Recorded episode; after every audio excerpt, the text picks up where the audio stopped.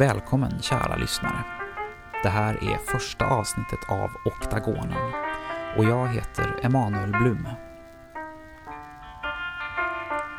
Varje onsdag i åtta veckor framöver kommer vi att få höra en ny skräckberättelse. Dagens avsnitt heter Koma.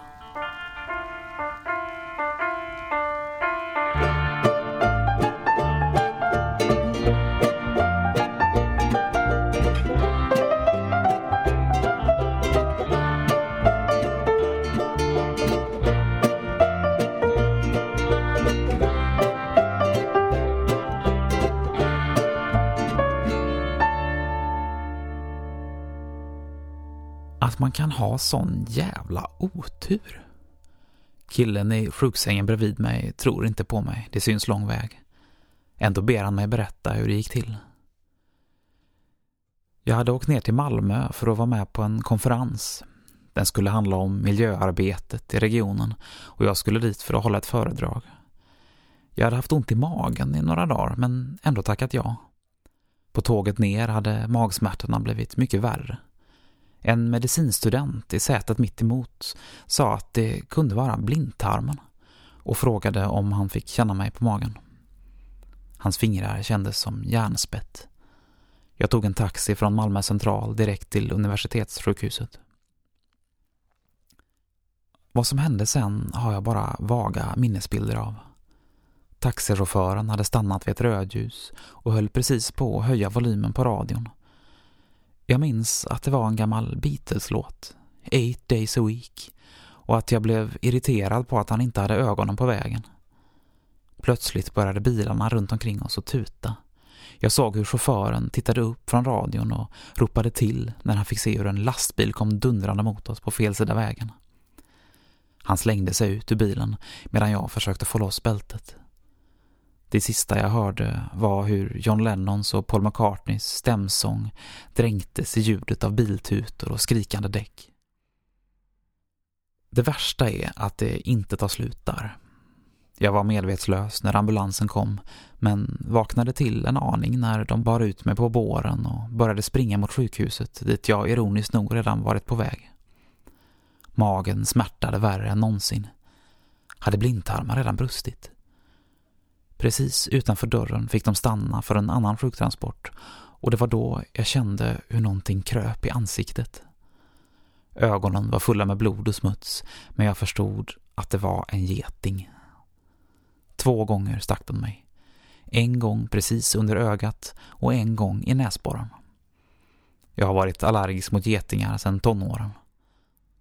Innan de hunnit få in mig genom dörren hade jag tuppat av igen fortfarande med de där textraderna ringande i huvudet. Hold me, love me, hold me, love me. Ain't got nothing but love, babe. Eight days a week. Han kan inte sluta gapskratta, trots att vartenda ord faktiskt är sant. Jag lägger mig till rätta så gott det går och känner smärtan i halsen och lungorna. Så här mycket har jag inte pratat sedan olyckan och det känns. Fasen vad det känns. Jag försöker sträcka mig efter ringklockan för att be om mer smärtstillande, men det gör för ont. Ligger still istället och lyssnar på killen i andra sängen. Han har slutat gapskratta nu men fnissar fortfarande. Du är en jävel på att berätta historier, säger han. Jag svarar inte. Så här mycket har jag inte skrattat på flera år. Vad heter du? Emanuel, säger jag, så försiktigt jag kan för att spara på halsen. Gunnar, kul att ha det här. Det blir jävligt tråkigt när man har legat här ett tag. Jag vill fråga vad han har råkat ut för som gör att han ligger här, men klarar inte att prata mer. Det snurrar i huvudet. Kroppen svider, värker och bultar. Operationssåren, hålet i magen efter blindtarmen, det brutna vänsterbenet och min svullna näsa allt virvlar runt i en kakafoni av smärta. En kvart senare kommer en sjuksköterska. Nytt dropp, mer morfin, sova. Det är som en hemlig klubb kan man säga, förklarar Gunnar. Han kan gå utan kryckor nu och kör mig i rullstolen fram och tillbaka genom korridoren. Du borde verkligen komma och testa på det, säger han. Vi träffas i ett rum nere i källaren en gång i veckan. Men eh, gå helst inte runt och snacka om det. Vad gör ni då? undrar jag. Berättar historier. Du kommer älska det. Vi ska träffas ikväll, hänger du med? Gunnar ställer sig framför mig, lutar sig fram och sätter händerna på armstöden. Han tittar på mig så förväntansfullt att jag förmodligen hade tagit ett steg tillbaka om jag inte suttit i rullstolen. Han är i 35-årsåldern, har ett stort rött skägg och en bullrande röst, men hans ögon är som en tolvårings. Min första impuls är att tacka nej, men det är något med hela grejen som gör mig nyfiken. En hemlig klubb i källaren på ett sjukhus. Folk som berättar historier. Jag har ju inte direkt något annat för mig. Jag tror knappt mina ögon när Gunnar rullar in mig i rummet i källaren, som tydligen kallas oktagonen. Det är fyllt till bredden med bokhyllor och arkivskåp i slumpmässiga rader, höga torn av trälådor och en brokig blandning av möbler i olika stilar. Det är som att någon under decennium på decennium ställt in allt som blivit omodernt och tjänat ut sin roll på sjukhuset utan att någonsin ta något därifrån. Själva rummet känns gigantiskt, nästan oändligt. Det snurrar till i huvudet, förmodligen på grund av morfinet. Jag fick en hög dos strax innan Gunnar i smyg hjälpte mig ur sängen och rullade iväg mig. Från ingenstans dyker en svarthårig tjej upp och tar mig i hand. Välkommen, Emanuel, säger hon. Jag nickar, för överraskad för att svara. Hon ser ut att vara ett par år yngre än jag och talar en dialekt som jag inte kan placera. Den påminner om någonting ur gamla filmer från 40-talet. Hon hejar på Gunnar och leder in oss mitt i rummet, längs en gång mellan möblerna och bokhyllorna som är precis så bred att rullstolen får plats. Jag har svårt att ta ögonen från henne. Hon rör sig som att hon gick på en teaterscen. Som om hon vore klädd i högklackade skor och långklänning, trots att hon har gymnastikskor och jeans. I mitten av rummet står ett antal omaka fåtöljer i en ring kring ett lågt bord med brinnande ljus. Flera patienter i olika åldrar har samlats. Några i patientskjortor, andra i vanliga kläder. Någon röker pipa. Någon annan slår upp en whisky. På en grammofon snurrar en skiva med swingmusik. Jag känner mig plötsligt full i skratt. Vad är det här för människor? Känner alla varandra? Hela situationen känns overklig och det är nog inte bara på grund av morfinet. Jag sneglar på Gunnar som ser förväntansfull ut. Jenny, det är din tur idag, säger plötsligt tjejen som har välkomnat oss. Samtalen avstannar på ett ögonblick. Någon lyfter nålen från skivspelaren och rummet blir knäpptyst. Gunnar reser sig, skyndar bort till en strömbrytare och släcker ljuset i taket. Bara stearinljusen lyser upp de åtta människor som samlats kring bordet. Hon som heter Jenny ser generad ut. Hon tar fram några skrynkliga papper, harklar sig och rätar på sig i sin rullstol. Okej, okay jag ska berätta om eh, något som hände för en 10-15 år sedan. Också på ett sjukhus, precis som det här. Jag säger inte vilket, det får ni lista ut själva. Varsågod och börja.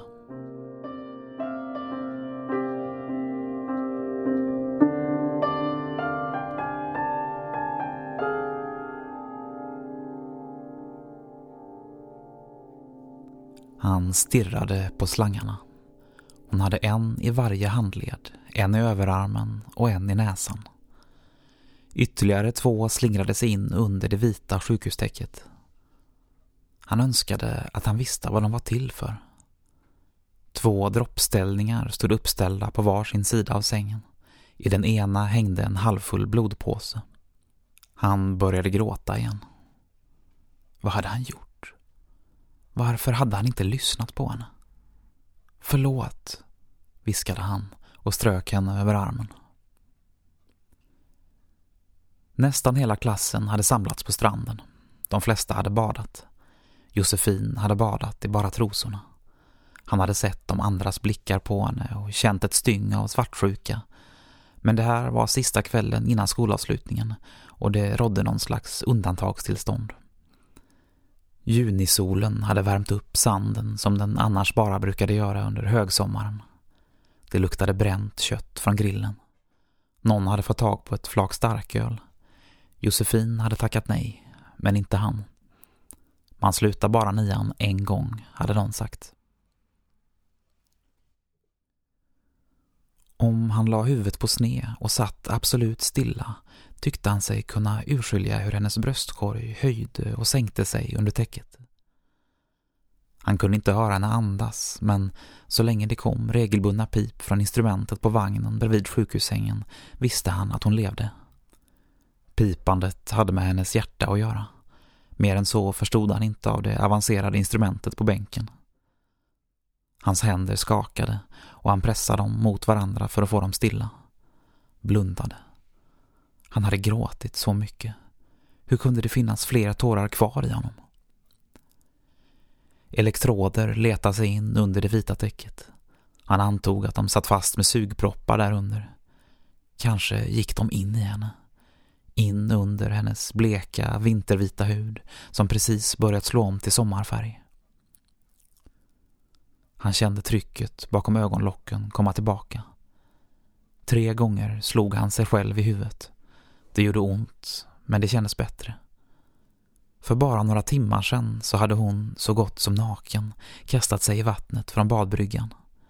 Mer full av liv än någonsin. Pip, pip, pip. Nu låg hon still. De korta pipen lät som en droppande kran. För varje pip rann en liten del av henne ut på golvet, droppe för droppe. Han reste sig ur besöksstolen. Klockan var halv två. Om några timmar skulle solen gå upp och resten av klassen skulle träffas på skolgården. Det skulle hänga björkkvistar och ballonger utanför entrédörrarna. Det skulle drickas champagne i smyg. När klassen samlades i klassrummet för att ta farväl skulle någon fråga Var är Robin? Var är Josefin? Han gick fram till fönstret. Något hade blinkat till där utanför, men han drog ner persiennen. Instrumentet på vagnen bredvid sängen fortsatte pipa. De osynliga dropparna formade en lika osynlig Josefinpöl på golvet under sjuksängen. Utifrån sjukhuskorridoren hördes fotsteg, vilket irriterade honom. Han gick fram till dörren och kontrollerade att den var låst innan han satte sig vid sängen igen. Hade hon blivit blekare? Kanske hade ljuset i rummet ändrats när han dragit för persiennerna. Han lutade sig fram och la örat mot hennes bröst. Visst hördes hennes hjärtslag. Hans eget hjärta slog som en hammare. Solen hade försvunnit bakom trädtopparna strax före tio. Trots att klockan nu var närmare halv tolv var det fortfarande varmt. Större delen av klassen hade gått hem. Josefin låg i hans knä med en handduk runt överkroppen och stirrade in i elden. På en sten några meter därifrån satt Alex och spelade gitarr. Turn me on, take me for a hard ride Burn me out, leave me on the other side Robin hade aldrig gillat Red Hot Chili Peppers men ikväll fick Alex spela precis vad han ville. Så länge han hade Josefin i knät och sommarluften fyllde varje andetag han tog var allt som det skulle. Han sneglade mot ölbacken. Det fanns en burk kvar, men han ville inte resa sig och gå efter den när Josefin låg där hon låg. Jag fick antagningsbeskedet igår, sa hon plötsligt. Robin tittade ner på henne. Det snurrade till i huvudet. Jag kom in, fortsatte hon. Jaha. Jag tänkte att jag borde säga det. Jag måste bestämma mig inom två veckor. Robin kastade ytterligare en blick på den sista ölburken. Han tyckte verkligen inte om Red Hot Chili Peppers. Måste vi prata om det nu? Hon ryckte på axlarna. Med ett ryck satte han sig spikrak upp i stolen. Hade han somnat? Han hade legat med huvudet på hennes bröst, mitt bland slangarna och trådarna som letade sig ut ur henne som groddarna på en övermogen potatis. En fläck av snor och tårar hade bildats på täcket. Förlåt, förlåt, förlåt, viskade han igen. Något hade förändrats. Han höll andan och lyssnade, vilket inte var lätt när hans egna snörvlanden och hulkanden ekade mellan väggarna. Rummet var tyst, men han var säker på att han hört något. Dova ljud kom utifrån korridoren, som om någon flyttade möbler bakom en tjock vägg. Ändå var han övertygad om att det han hört kommit inifrån rummet. Josse, var det du som sa något? Han hade aldrig sett någon ligga så stilla. Hade hon blivit ännu blekare? Han la huvudet på sne och kisade. Försökte avgöra om han fortfarande kunde se bröstkorgen röra sig. Medan han stirrade insåg han att det som fått honom att reagera inte var något han hört. Det var något han inte hört. Pipandet hade slutat. Det enda ljud som kom från utrustningen på vagnen var ett svagt surrande. En grön, rak linje syntes på den lilla monitorn. Hans hulkanden och snyftningar gick över i en okontrollerad gråt. Han kunde inte minnas att han gråtit så här sedan han var barn. På något sätt var det skönt. Det ordnar sig, viskade han och tog ett hårt tag om hennes överarm. Elden hade slocknat. Det hade blivit kallt på stranden. Alex stoppade ner sin gitarr i ett svart fodral. De andra hade redan försvunnit upp till parkeringsplatsen. Har ni somnat eller? Josefin gnuggade sig i ögonen innan hon reste sig upp ur hans knä och började klä på sig. Robin sträckte ut benen. Det vänstra hade somnat. Farsan kommer och hämtar, sa Alex. Han kan säkert köra er också om ni vill. Nej, för fan, sa Robin och skakade på huvudet. Säkert? Robin ställde sig upp. Det hade blivit ännu kallare när Josefin rest sig. Han stampade för att få igång blodflödet i benen. Mm, vi har moppen. Alex ryckte på axlarna och hivade upp gitarrfodralet på ryggen. Ni gör som ni vill. Ses imorgon.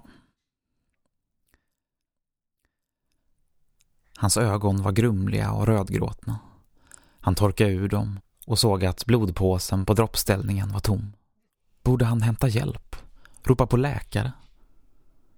Tanken på att någon skulle storma in i rummet och ställa sig mellan honom och Josefin gjorde honom arg. Det här handlade om henne och honom. Det var han och ingen annan som måste ställa allt till rätta. Han strök henne över den bleka handen. Huden var sval och gummiaktig. När han nöp henne i armen var det i slow motion huden slätade ut sig och återtog sin naturliga form. Josse. Han förväntade sig inte att hon skulle svara. Ändå tyckte han sig se en svag ryckning i ögonlocken.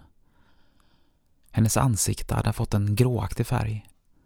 Han tog tag med båda händerna om hennes kinder och började massera, helt oförberedd på hur kall hon var. Det kändes som att massera en nytinad kyckling och han släppte taget efter bara några sekunder. Hennes kinder blev kvar i en barnslig grimas. Han hade vanställt henne. Han reste sig så hastigt att stolen föll baklänges. Det knackade på dörren.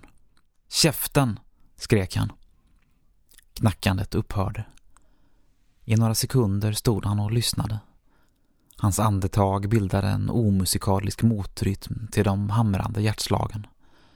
Han såg sig omkring efter något och torka svetten ur pannan med, men det enda han hittade var det vita sjukhustäcket. Medan han böjde sig framåt och torkade hörde han hur något började surra. Det kom från ryggsäcken. Han snodde runt, sparkade undan mopedhjälmen så den rullade ett varv på golvet och föll på knä. Det stack till av smärta i knäna, som om golven varit hård asfalt. Han rotade fram mobiltelefonen ur ryggsäcken. Josefins mobil stod det på displayen. Han stirrade. Sluta jävlas med mig! skrek han och slängde telefonen i väggen. Det hade hunnit bli mörkt när han kickade igång mopeden. Stjärnorna lyste som oändligt avlägsna strålkastare över sjön och parkeringsplatsen. Men det enda han såg var månen strax ovanför trädtopparna. Resten doldes av mopedhjälmen. Josefin stod framför mopeden med armarna i kors. Men kom igen, ropade han. Du kommer inte hem annars. Hon sa något som inte hördes. Han suckade och stängde av motorn. Va? Jag sa att jag inte tänker åka med någon som har druckit tre öl. Men lägg av. Robin himlade med ögonen innanför visiret. Jag menar allvar. Josse, kom igen.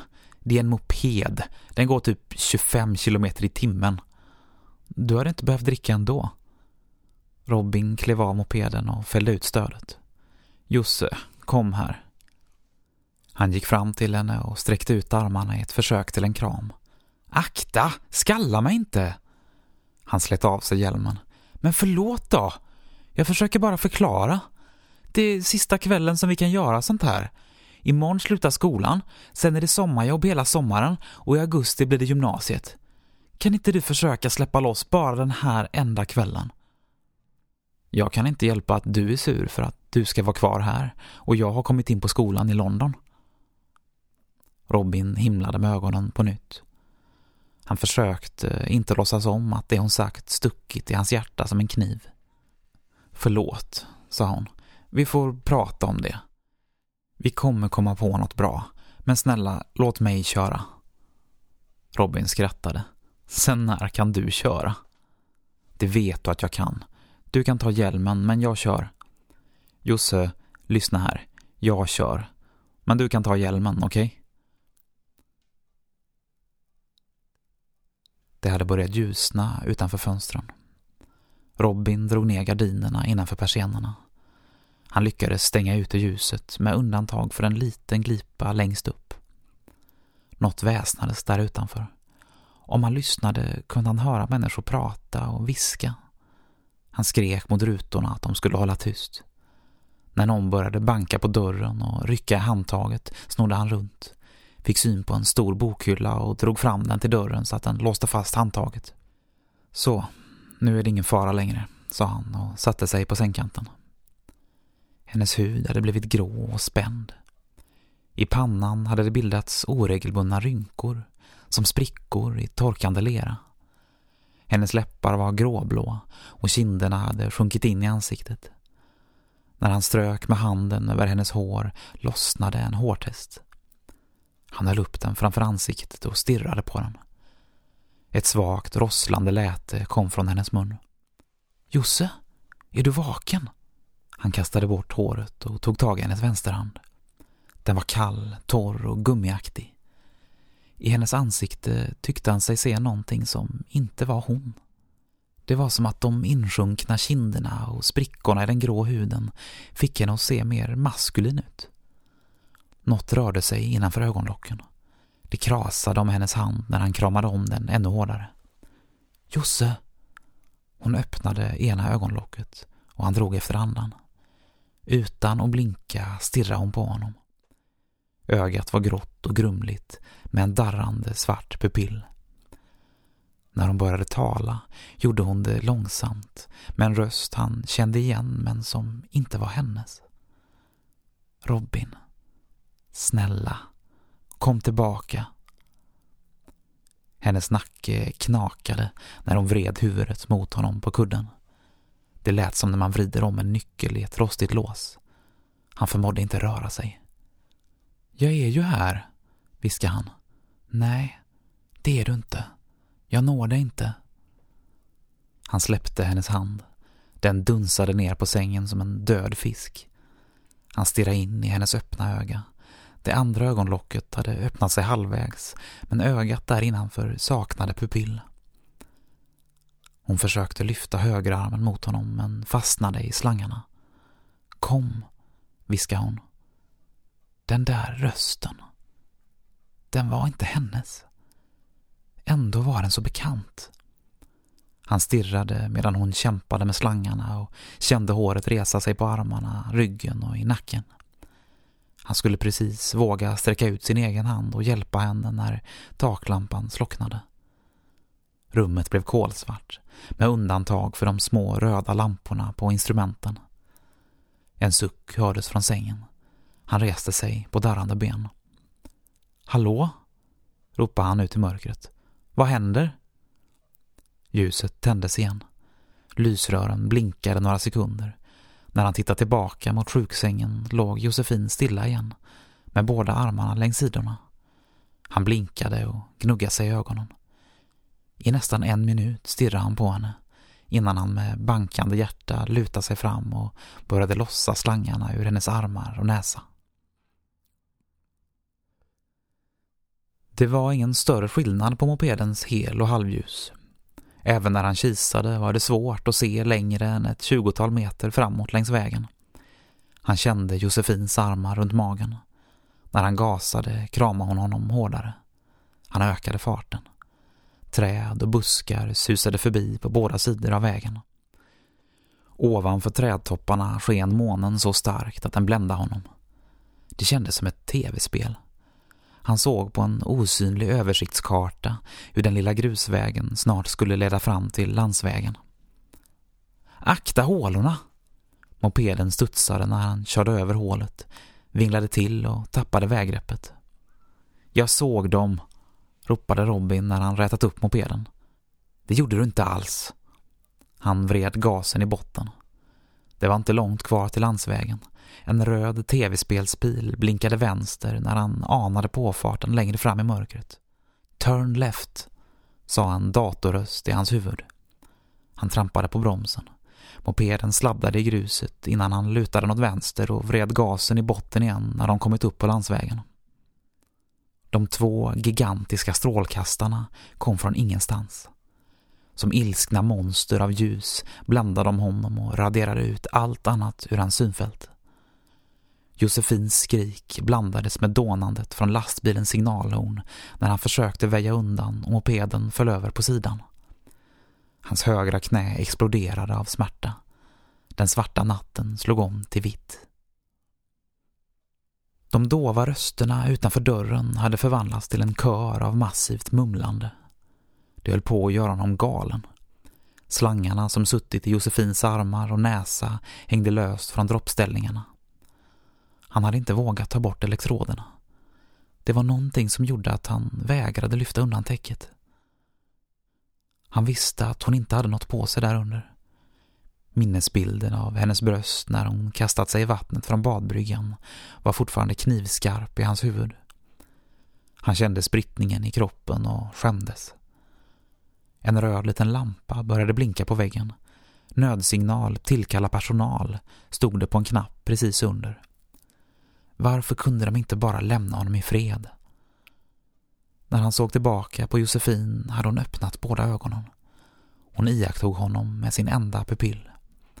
Han svalde och vände blicken ner i golvet. Förlåt, viskade han. För vad då? Rösten, som inte var hennes.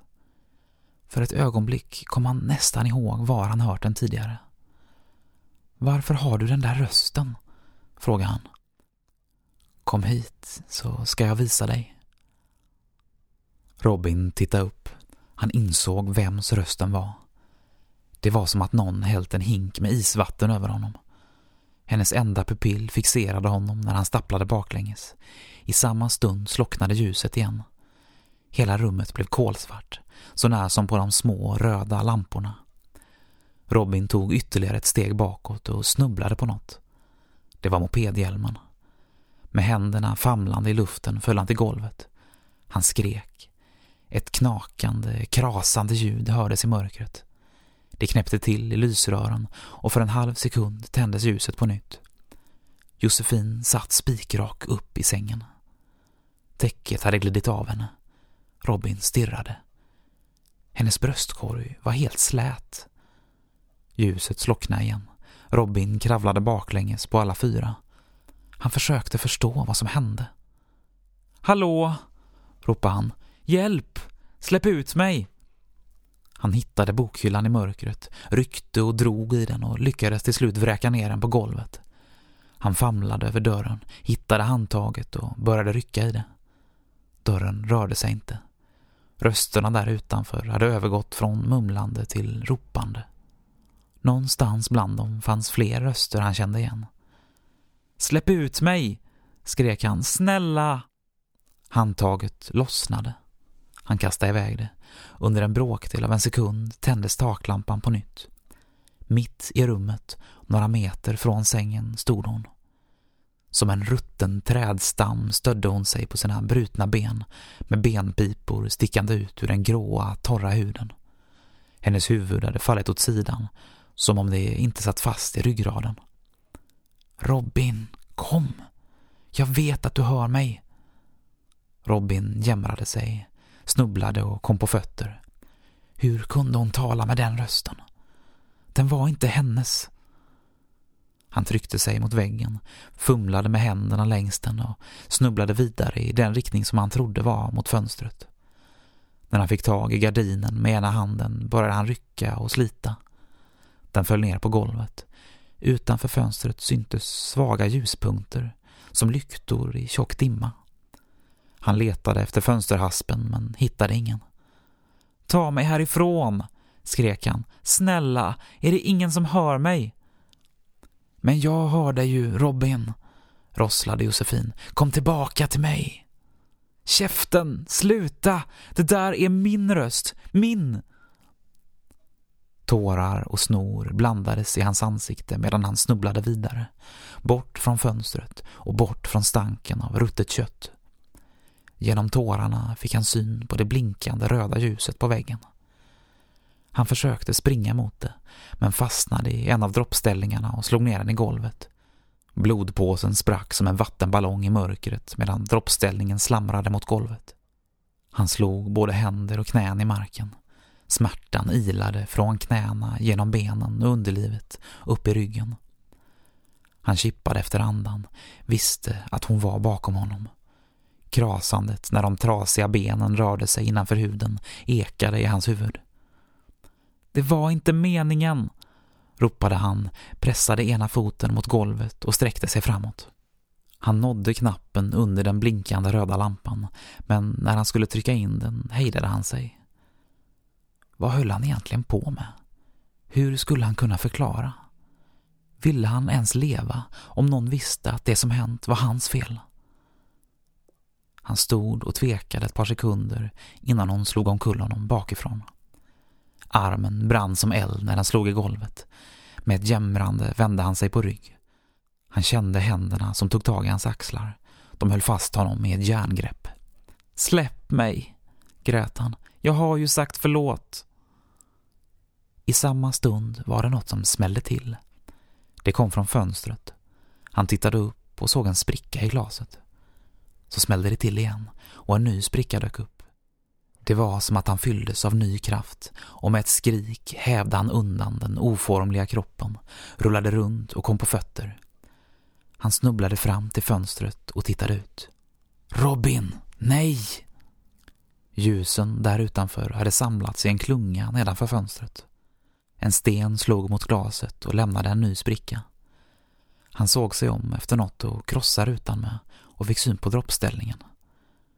Varifrån han fick styrkan förstod han inte, men han lyfte upp den från golvet och svingade den mot fönsterrutan. Glasbitarna yrde och han kastade ställningen ifrån sig. Snälla, väste Josefin, ge inte upp. Jag släpper dig inte. Hennes hand fick tag om hans fot. Han skrek, sparkade och kom till slut loss. Utanför hade fler av ljusen anslutit sig till klungan. Han ville dit. Bli en av dem. Utan att bry sig om glasskärvorna klättrade han upp på fönsterbrädet, tog ett sista andetag och kastade sig ut i dimman. En sista skälvning gick genom rummet innan allt blev tyst. Josefin hade slutat gråta. Hon visste att det var över. Solen lyste in genom de uppdragna gardinerna och en bit från sjukhuset skulle skolorna när som helst ringa ut för sista gången innan sommaren. En sjuksköterska hade lagt handen på hennes axel, men hon hade skakat av sig den.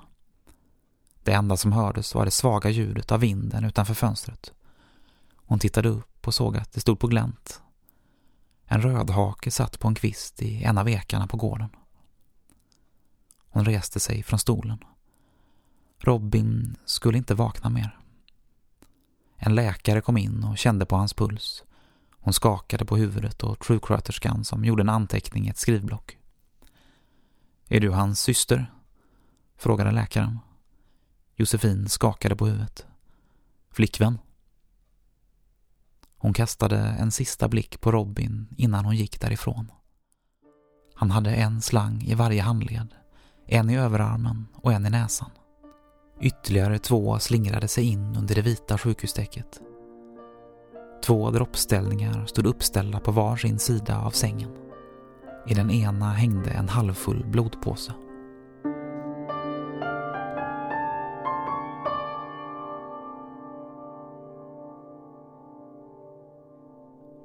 Ljusen på det låga bordet har nästan brunnit ut när Jenny slutar berätta. Tjejen, som verkar vara någon slags ledare, skriver några rader i en stor anteckningsbok innan hon nickar mot Gunnar, som reser sig för att tända i taket. Jag har ont. Väldigt ont. Jag har varit så fokuserad på berättelsen att jag inte märkt att smärtlindringen börjat gå ur kroppen. Nu känner jag hur det krossade vänsterbenet bultar och molar, hur min hopsydda mage värker och hur huden i ansiktet bränner. En vädjande blick mot Gunnar och han fattar direkt. Tar tag i handtagen på rullstolen och börjar backa mig bort från bordet. Jag nickar åt några av de andra patienterna som också lämnar oktagonen en efter en. Kvar vid bordet sitter bara två personer. Jenny som berättat och den svarthåriga tjejen vars dialekt jag fortfarande inte lyckas placera.